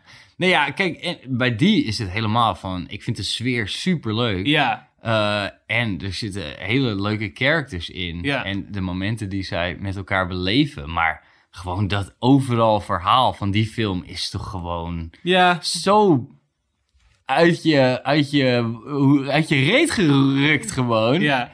Ik bedoel, qua wat de fuck er allemaal gebeurt met George Clooney in die film. Ja. De- de- hij wordt ja, soort van Ontvoerd. ontvoerd, maar ook niet echt, want hij heeft het best wel leuk daar zo. En dan dat hele stukje met die fucking eh, communists eh, die Ja. dan nog een bootje op willen gewoon. Ja, je zit de hele tijd te kijken van, what the fuck is going on? Ik weet het, Het lijkt niet. alsof je gewoon naar een play aan het kijken bent. Ja, een soort bijna wel, ja. Nee, ik snap wel dat... Ik moet zeggen dat ik die... Ik, ik keek er heel erg naar uit dat die er aankwam. Er was heel veel promotie omheen. Nou, Ja. ook weer echt een sterrenkast van hier tot Tokio. Ja, ja, ja. Ehm, maar ik moet... Ja, ik was er wel een beetje Ja. teleurgesteld Ja, toen ik die eh, voor het eerst zag. eh, een paar jaar geleden. Waar jij niet teleurgesteld over bent, Ja. was de film die wij afgelopen week samen even gingen kijken. Want ja, als we dan toch eh, een filmpje moeten gaan kijken, hè, waarom niet in Coen Brothers? Is Serious Man uit 2009. Ja. Jouw favoriet dus. Ja, ik denk dat ik dit de, de leukste Coen Brothers film Ja. vind die er bestaat. Ja, ik zag hem voor het eerst, dus ik zat er helemaal klaar voor. Ja, binnen 10 minuten zit je er al helemaal in. Nou, Ja. trouwens, dat zeg ik verkeerd. Niet binnen 10 minuten, want de film opent met een hele rare proloog. eh, met een soort van voorstukje wat niks met de film te maken heeft. En again, dit wordt overgeanalyseerd door iedereen. Zij zeggen zelf, nou, we wilden gewoon een grappig verhaaltje verzinnen om mensen een beetje in de sfeer te krijgen. Ja, het is ook helemaal geen proloog eigenlijk. Nee, precies. Het gaat alleen over het jodendom. Net als dat de film eh, daar ook een beetje over gaat. En over het geloof en zo. Een beetje. Ja, helemaal, erg, helemaal eigenlijk. eigenlijk wel, ja. Ja, precies. Maar goed, niet na 10 minuten, na 20 minuten zat ik er helemaal in. Want ik, ik, ja, het is gewoon zo genieten om characters miserable te zien. Want dat gebeurt bijna altijd wel. De main character, een beetje een sukkel. Ja. Een beetje sukkel en het zit niet mee. En bij deze film al helemaal niet. Nee, ik denk dat deze het wel het ergste is. Ja, we hebben natuurlijk, ja, wat je zegt, gewoon bij de Big Lebowski is het ook van, ja, de dude leeft eigenlijk gewoon zijn leven, maar ja, het wordt onderbroken door fucking bullshit waar hij niks aan kan doen. Ja, ja, ja. Fargo heeft natuurlijk eh, William H. eh, Macy, eh, zijn character Jerry, ja, die doet natuurlijk een fucked up poging om ja, een beetje geld te verdienen. Maar dat loopt natuurlijk ook helemaal uit de hand. Dat gaat helemaal fout. En in A Serious Man, ja, deze, deze verhaallijn voor die gozer is echt he- helemaal ruk. Ja, het is heel zielig. Het is heel zielig. En hij probeert maar te begrijpen van... Ja, wat kan ik hiermee doen? Is dit een teken? Ja. Eh, eh, krijg ik een, een teken van boven... dat ik iets met mijn leven moet doen? Ja, En hij krijgt maar geen antwoorden. Want heel even, er gebeuren verschillende dingen. Eh, zijn vrouw gaat van hem scheiden. Ja, Ehm, en die ruilt hem letterlijk in voor de buurman. Vervolgens moet hij dus dan ook maar, dat besluiten die buurman en die vrouw zelf, dat hij maar uit huis gaat. Want dat is beter voor de kinderen. En dat doet hij dan ook maar. Gaat hij met zijn broer, die toevallig daar ook logeert, omdat hij, eh, weet ik veel, dakloos is en shit. Eh, gaan ze samen in een motel slapen. Ehm, nou, die broer die is dan ook nog eens aan het gokken. En die raakt in, eh, in, in conflict met de law. Krijgt hij ook nog eens op zijn bordje. Hij dreigt ontslagen te worden. Ook nog eens. Ehm, wat gebeurt er nog meer? Oh ja, zijn buurman die is hem aan het fokken door... die wil daar een, een boothuis of een, een schuurtje of zo, een shed... op zijn stukje erf gaan, gaan plotten. Eh, en dan gaat hij eh, legal guidance zoeken. En zijn lawyer die sterft voor zijn ogen. Heel sad. Net op het moment dat hij denkt eindelijk goed nieuws te krijgen. En door die film heen gaat hij... Ja, bevraagt hij God eigenlijk continu... door met verschillende rabbi eh, te gaan praten. Drie rabbi. Doet hij pogingen toe trouwens. Eh, gaat hij mee in gesprek omdat hij antwoorden wil. Hij wil antwoorden. Hij stelt de hele film... Hij, hij zegt iets van zes keer of zo... What's going on? ja. What's going on? En het is echt een stupide vraag eigenlijk. Want het, het gaat over hele stomme dingen die hem overkomen. En niemand kan hem dat antwoord geven. En hij stelt die vraag dan, ja, what's going on? En zijn antwoord op heel veel problemen die, ehm, die zich voordoen... is eigenlijk ook, ik heb niks gedaan. Ik, heb, ik heb niks gedaan. Eh, eh, zijn zoon heeft dan een eh, record deal afgesloten. Een soort van Netflix abonnement voor platen. En dan wordt hij gebeld op zijn werk van... Ja, Pik, je hebt al een paar maanden niet betaald. Ga je dat nou eigenlijk betalen? Zeg je, ja, ik heb niks gedaan. Ik heb niks gedaan. En in plaats van dat hij beseft... Er zijn dingen die gebeuren en jij kan hier wat aan doen... doet hij de hele tijd niks. Waardoor Nee. er nog meer gebeurt. Dat is het probleem. Ja. Hij doet niks. Hij doet helemaal niks. Eh, ja, het is gewoon. Ik denk dat we eigenlijk te, te- de woorden tekort gaan schieten aan deze film. En dat je hem echt zelf moet ervaren. Ja. eh, als je deze graag een keer wil zien. Eh, ik, ik zal hem je zeker aanraden, aangezien ik dit dus de leukste Coen Brothers film vind. Ehm, het is wel weer hetzelfde probleem heb ik met deze film van. Ik vind het heerlijk om door deze gebeurtenissen te gaan. Ja, ja, ja. Ik vind het heerlijk om deze character te volgen. Hoe fucking triest het voor hem ook is. Ja, Ehm, einde zit je wel met dezelfde vraag ehm, als de character, though. ja. Ehm, maar daar gaat deze film wel echt over. Het is, eigenlijk is het een goed einde, maar ik wil gewoon ook niet echt dat die afgelopen is of zo. Nee, precies. Ik denk dat ik dat vooral heb. Eh, ja, wat leuk is bij deze film is ook... Ja, allemaal weer, weer een keer andere acteurs dan eh, waar ze vaker mee werken. ja, ja. Eh, Michael Stulberg is, eh, is de hoofdpersoon in deze film. En hij speelt dit zo ontiegelijk goed. ja. Ehm, ik vind dit sowieso echt eh, van de afgelopen 10, 20 jaar echt de meest ondergewaardeerde acteur sowieso. Elke rol die je hem ziet spelen, hij heeft nog best wel veel andere rollen waar je hem waarschijnlijk ook van kent. ja. Ja, is, hij doet zoveel verschillende personages en elk, elk personage is zo sterk Ja, gewoon. in de Fargo-serie zit hij trouwens ook Ja, zelfs. speelt hij echt weer een totaal andere guy Ja, ook.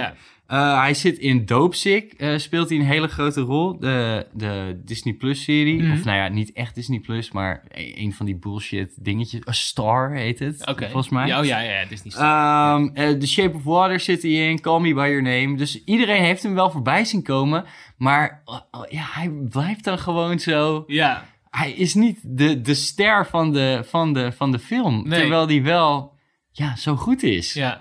En ja, daarom is het zo nice om hem te zien shinen in A Serious Man.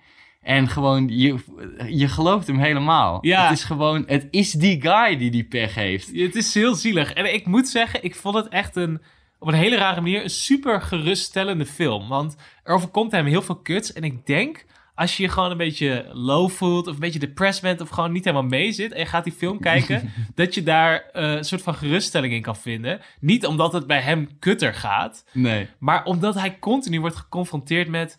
Dude, het is maar het leven. En het is maar een teken van God. En dit zou dan maar voor jou moeten gebeuren. En hij accepteert het volledig. Weet je, want je ziet hem niet... Nou, hij mij- accepteert het niet echt volledig. Nee, hij accepteert het niet in de zin van dat hij er niet bij gaat zitten. En het zit van, nou ja, oké, het zal wel. Maar het overkomt hem compleet. En ja, je kan dan zelf denken, ah, hij is nu waarschijnlijk super depressed en zo. Maar hij gaat gewoon nog naar zijn werk. Oh, dan wordt hij ook nog bij ontslagen. Oh ja, kan er ook nog wel bij. Ja, En volgens hij mij wordt hij niet echt ontslagen hoor. Nee, hij wordt dan... Hij zou een promotie krijgen volgens mij. Ja, maar die wordt tegengesproken door, Ja, door ja, een andere ja, character in de film. Mogelijk dat die die niet gaat krijgen. Als iemand hem eh, nog een keer voor de tweede keer gaat kijken, er is een eh, best wel interessante theory dat ehm, alles wat hij meemaakt Mhm. of ervaart, eh, is zijn zoontje ook aan het ervaren op een kleinere schaal. Dus Ah, ehm, hij rent de hele tijd weg van zijn problemen. En op het einde van de film doet hij dat niet. Ja. En zijn problems, maar maakt het allemaal niet meer zoveel uit. Nee, nou, het is funny, want de hele, hij is een eh, docent, een natuurkundedocent. En hij begint de film met een, een thought experiment, Schrodinger's cat.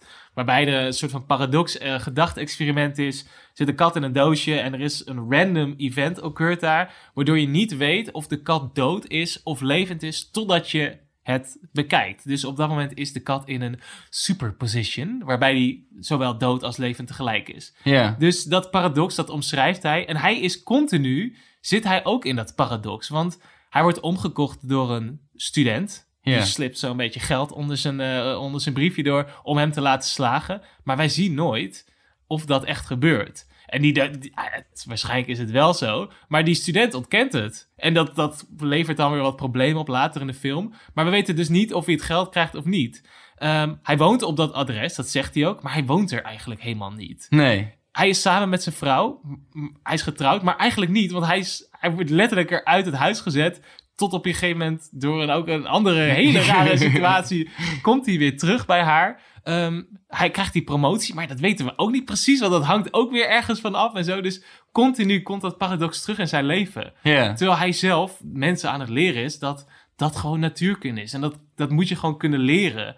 Ja, dat vind ik heel chill dat dat zo door die hele film heen sprankeld zit. Ja, absoluut. Ja, ja het, het, het is gewoon, de message is wel de hele tijd voor, voor je ogen, maar het is, ja, je moet er wel echt op een andere manier naar de film kijken. En dat vind ik echt heel chill aan deze film. Dit is een film die denk ik wel vaak, ook kan je vaker zien als met al hun films. Ja. Gewoon genieten, omdat de vibe zo leuk is. Maar hier kan je het vaker zien en dan focussen op verschillende onderdelen. Want er zit best wel veel in. Dus als je zegt, die zoon, die heeft dan een subplot. En eerst, ik zag hem dus en ik dacht, ja, waar sloeg dat dan eigenlijk op?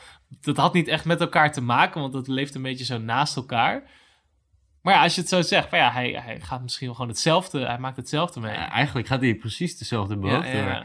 Ja, en gewoon even een kleine shout-out naar Richard Kind, die gewoon echt zo heerlijk die broer speelt, jongen. Ik vind het altijd genieten om Richard Kind op, eh, op het scherm te zien. Ja. Ehm, doet heel veel voice acting eigenlijk tegenwoordig, Oh, maar... ja.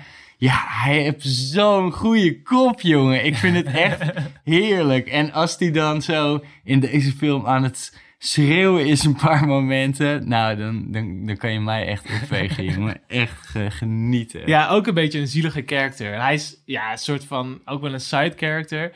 Ik moet zeggen, Far, eh, Fargo, de Coen Brothers hebben by far de beste side characters in hun films, period.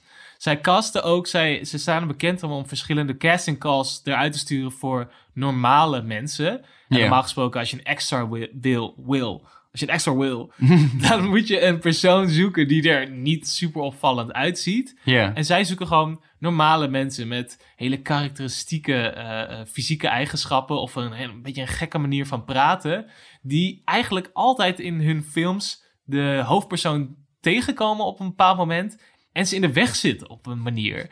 Dus het is bijvoorbeeld die desk clerk die dan hun niet verder kan helpen. Eh, of het is eh, eh, de guy achter in de, de booth die het bordje omhoog doet als je een parkeerplaats uitrijdt. Die dan zo'n specifieke kop heeft of zo'n specifiek accent. Want zo worden ze ook altijd geïntroduceerd. Ze hebben of een hele gekke outfit, een gek accent of een heel gek detail hebben ze, dragen ze mee. Waardoor ze super erg opvallen. En dit maakt de wereld van de Coen Brothers gewoon heel erg geloofwaardig. Weet je wel, je hebt de main characters en allemaal gasten die je kent. En er zit er in één keer zo'n random persoon tussen. Een hele, gewoon een non-actor eigenlijk vaak. Die dan zo'n gekke rol heeft. En ja, gewoon eventjes zo zijn voet tussen de deur zet van... Ah, ik ga je eventjes dwarsbomen nu. Ja, maar ook maar voor... Het is dan ook maar voor heel kort, weet Ja, je wel. ja, ja. Het is maar eh, dat je ook zit van... wa- waarom zit dit er eigenlijk in? Ja. Behalve dan dat het leuk is om naar te kijken. Ja, Eh, zo is in Fargo natuurlijk ook dat kleine verhaaltje met ehm, k- die oude school- schoolgenoot van, eh, Oh ja. van haar. ja, ja, ja. Waarom de fuck zit dat in dat verhaal? Maar Ja. het is een, er komt een scène uit dat je zit van... Oh my god, dit is zo ongemakkelijk. Zo dit is zo awkward. kut. Dit is zo, awkward. kut. Ja, ja. En die guy is gewoon... Ja, super raar personage. Ja, hij belt daar gewoon random op. hey, ik zag je op televisie, ben je met die case bezig? Ik ben in town. Zullen we wat gaan drinken? Ze zegt, oh ja, is goed. En dan spreken ze af. En dan binnen vijf minuten, nou, vijftien seconden, zegt hij... Zou ik even naast je mogen komen zitten? En zegt zij, nou, ga maar weer aan de andere kant zitten. Want hoef ik mijn nek niet steeds om te draaien. En dan probeert hij eigenlijk te zeggen... Ja, eh, mijn vrouw is dood en ik wil met je gaan chillen. Want ik vond je achter al heel leuk vroeger. Ik vond je heel leuk. Ja, en hij heeft een heel heftig accent, wat echt tering grappig is Ja, in deze, ja. in deze rol. Maar het slaat helemaal nergens op. Maar het maakt die wereld super geloofwaardig. Dat dat ook gebeurt. Dat zij naast haar werk ook nog met dit soort shit moet dealen. ja, Dus, zij zijn trouwens ook wel bekend om... Kijk, ze hebben natuurlijk van die non-actors die ze dan inhuren voor, eh, voor hele kleine rolletjes. Wat ze ook wel eens doen, is juist hele grote characters of hele bekende acteurs voor echt 15 seconden of 20 seconden even iets geks laten zeggen. Of even op de set laten komen om de, de, de hoofdpersonage tegen te werken of zo. Dat je gewoon zit van, oh fuck, dat is Jonah Hill. En die is dan gewoon een dude die achter een bureau zit en dan eventjes iets stoms zegt en zo. En dan gaan ze weer verder. Ja.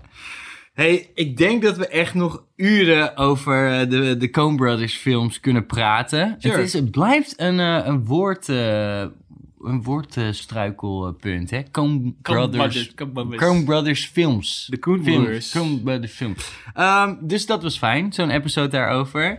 Ik sluit af met een vraag voor jou. Oké. Ehm, we hebben de... We hebben, het, is, het is jammer, we hebben het maar eigenlijk over vier films kunnen hebben. Ja, Als eh, mensen thuis jullie favoriete film nou eh, wel bijvoorbeeld The Lady Killers was, of Burn After Reading, of Miller's Crossing, hè? Mhm.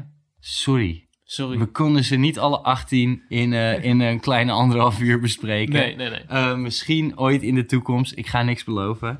Om het af te sluiten, omdat we het toch zoveel over Fargo hebben gehad, heb ik voor jou een vraag, Jordi. Oké. Hoe vaak Oh. Wordt er in Fargo op zijn Minnesotans yeah gezegd? Ja. ja. oh, dat is een hoop. Ehm, even kijken. Zo... ehm 30 keer. 30 keer. 30 keer. Ehm, het was iets meer. De trademark Minnesotan yeah Ja. appears 179 times in the script. Holy shit. Dat ze op een gegeven moment zitten van... Oké, ik heb het nu geschreven, maar waarschijnlijk als we dit gaan uitspelen... Is het dat, zegt hij dat de hele tijd. Ook als je gaat knippen natuurlijk ertussen en zo. ja. Ja, chill. Ja, het, kan, echt. het kan gewoon. Maar dat is ook super funny. Dat accent van die mensen is zo belachelijk stom. Oh my god, ik kijk deze film nu alleen nog maar gewoon voor dat accent. Ja. Hoe, hoe zij dit spelen. Dit Ja. is zo goed gedaan. En het- je kan het ook niet nadoen. Dus ik zit ook van, al die acteurs, die hebben echt gewoon moeten oefenen om datzelfde domme accent allemaal te doen. Zeker weten. Het is zeker zo weten. komisch. Het is ook heel leuk, want William H. Macy, die dus eh, Jerry speelt, die, die struikelt heel erg over zijn woorden. En dan is het zo, nee, nee, nee, nee, nee. En dan gaat hij weer, eh, en dan wordt hij de hele tijd onderbroken en zo. gastje, inderdaad. Ehm, hij is perfect voor deze rol. En al deze stotters en al deze fucking, ja, over zijn woorden struikeldingen, Ja. dat is allemaal in de script. Het is, er is er Nee, helemaal joh. niks van geïmproviseerd. Dus oh, het wat vet. wel crazy. Ehm, het is heel leuk. Ik, ja, het zijn echt zoveel yes.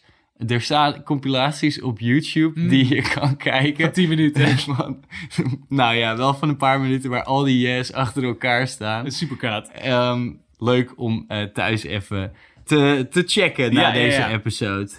Ja, heb je nog iets wat je heel graag kwijt wil? Nou, ik, ik heb iets wat ik eigenlijk niet graag kwijt wil. En dat is een fuck-up Oh nee. van de vorige episode. Oh. Ja. Wil je zo eindigen? Nou ja, dat doen we wel altijd. Ja, is Doen we wel waarom altijd. doen we eigenlijk dat altijd aan het einde? Ik weet het niet. Bedenken we fucking na 32 episodes. Ehm Mike, ik had een fuck-up. Oh, En jij had een fuck-up. Ja, ja, ik had een Oh. fuck-up. En jij verbeterde me niet. oh. Eh, dit was tijdens de Pokémon-episode. En jij had natuurlijk al je mooie gear hier meegenomen als opperfan. En jij verbeterde me niet. Mikey, wie de fuck is Dick Duo? Dat vroeg Michael Gijzer zich af. Eh, ik zei, ja, eh, Dicklet. En dan heb je Dicklet, Dick Duo en Dick Trio. Die bestaat niet, die Dick Duo. Nee. In mijn hoofd, want ik moest dit googlen. Hij zei, wie de fuck is Dick Duo? Ik google van, nou, is toch gewoon die tussenevolutie? Wat lult die gast nou? Bestaat gewoon niet. Nee. Nee, het is gewoon, hij is één en dan is hij drie. Ja, dat is ook een beetje raar. Want ja, die drie zijn toch eigenlijk ook gewoon één dan? Ja, want al heel veel Pokémons hebben drie evoluties. Drie evoluties. Eh, hij heeft er twee. Dus eh, Ja. de originele staat en zijn dik trio. En dan ze... Alolan, eh, die- ja, daar Zo. willen we het echt niet over hebben. Want die met een pruikje.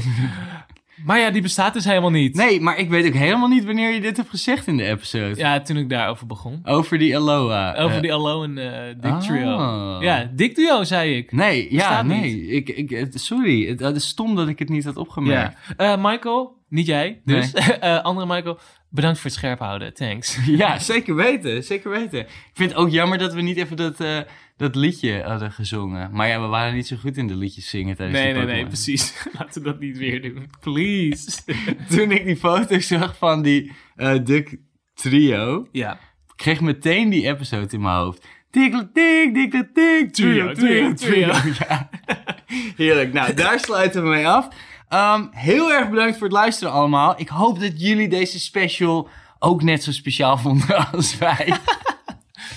Oké, mooi. Lekker corny. Ehm, we gaan ook niet eindigen. We gaan niet een outro doen, toch? Want we sluiten nu in één keer de episode af, net zoals de Coen Net als die doen. awkward eindes van de, de Coen Brothers. Nee, oké, fuck it. Dat gaan we niet doen. We zijn, we zijn, we zijn de Coen Brothers niet. Nee, precies.